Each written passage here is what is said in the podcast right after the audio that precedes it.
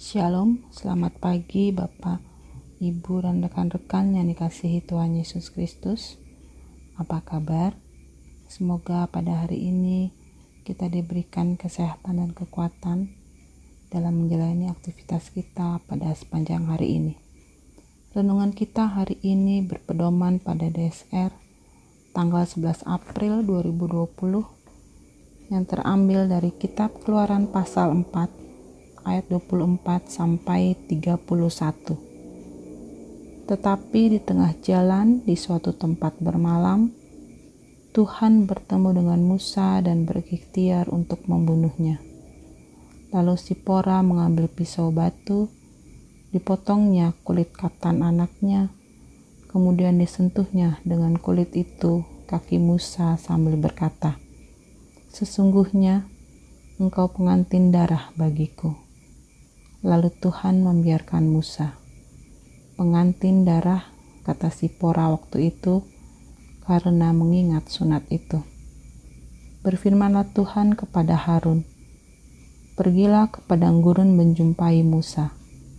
Ia pergi dan bertemu dengan dia di gunung Allah, lalu menciumnya. Kemudian Musa memberitahukan kepada Harun segala firman Tuhan yang disuruhkannya kepadanya untuk disampaikan dan segala tanda mujizat yang diperintahkannya kepadanya untuk dibuat.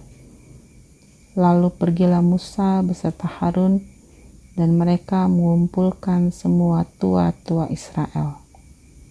Harun mengucapkan segala firman yang telah diucapkan Tuhan kepada Musa serta membuat di depan bangsa itu mujizat itu. Lalu percayalah bangsa itu, dan ketika mereka mendengar bahwa Tuhan telah mengindahkan orang Israel dan telah melihat kesengsaraan mereka, maka berlututlah mereka dan sujud menyembah. Demikianlah pembacaan firman Tuhan kita pada hari ini. Semua yang dipersiapkan dengan matang pasti akan berhasil menjadi tema renungan kita pada saat ini. Musa memulai perjalanannya menuju Mesir dengan segala sesuatu yang sudah dipersiapkan Tuhan dengan matang. Musa sudah melampaui ketakutan-ketakutan dalam dirinya sendiri. Perlengkapan mental dan spiritual dalam menghadapi reaksi orang Israel pun sudah disiapkan hingga rencana Tuhan mempertemukan Musa dengan Harun, saudaranya pun berjalan dengan mulus.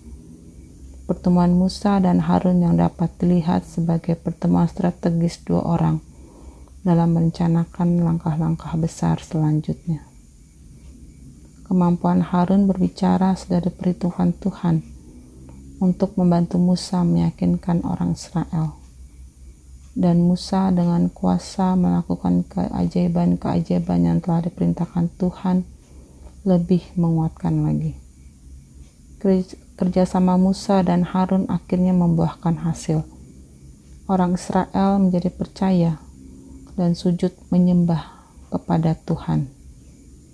Sahabat Alkitab, hari ini gereja-gereja memasuki Trihari Paskah, Tridum ketiga yaitu Sabtu Sunyi. Pada perayaan ini kita diajak untuk mengenang Kristus dalam makamnya. Pengenangan akan rencana Allah yang telah dipersiapkannya dengan matang. Dan seluruh umat sedang menantikan kebangkitan Kristus sebagai bukti keberhasilan karya penyelamatan Allah. Jika dalam hidup ini kita menemui kegagalan, maka saat ini kita diajak untuk menilik kembali apakah hidup yang kita jalani ini sudah kita persiapkan dengan matang.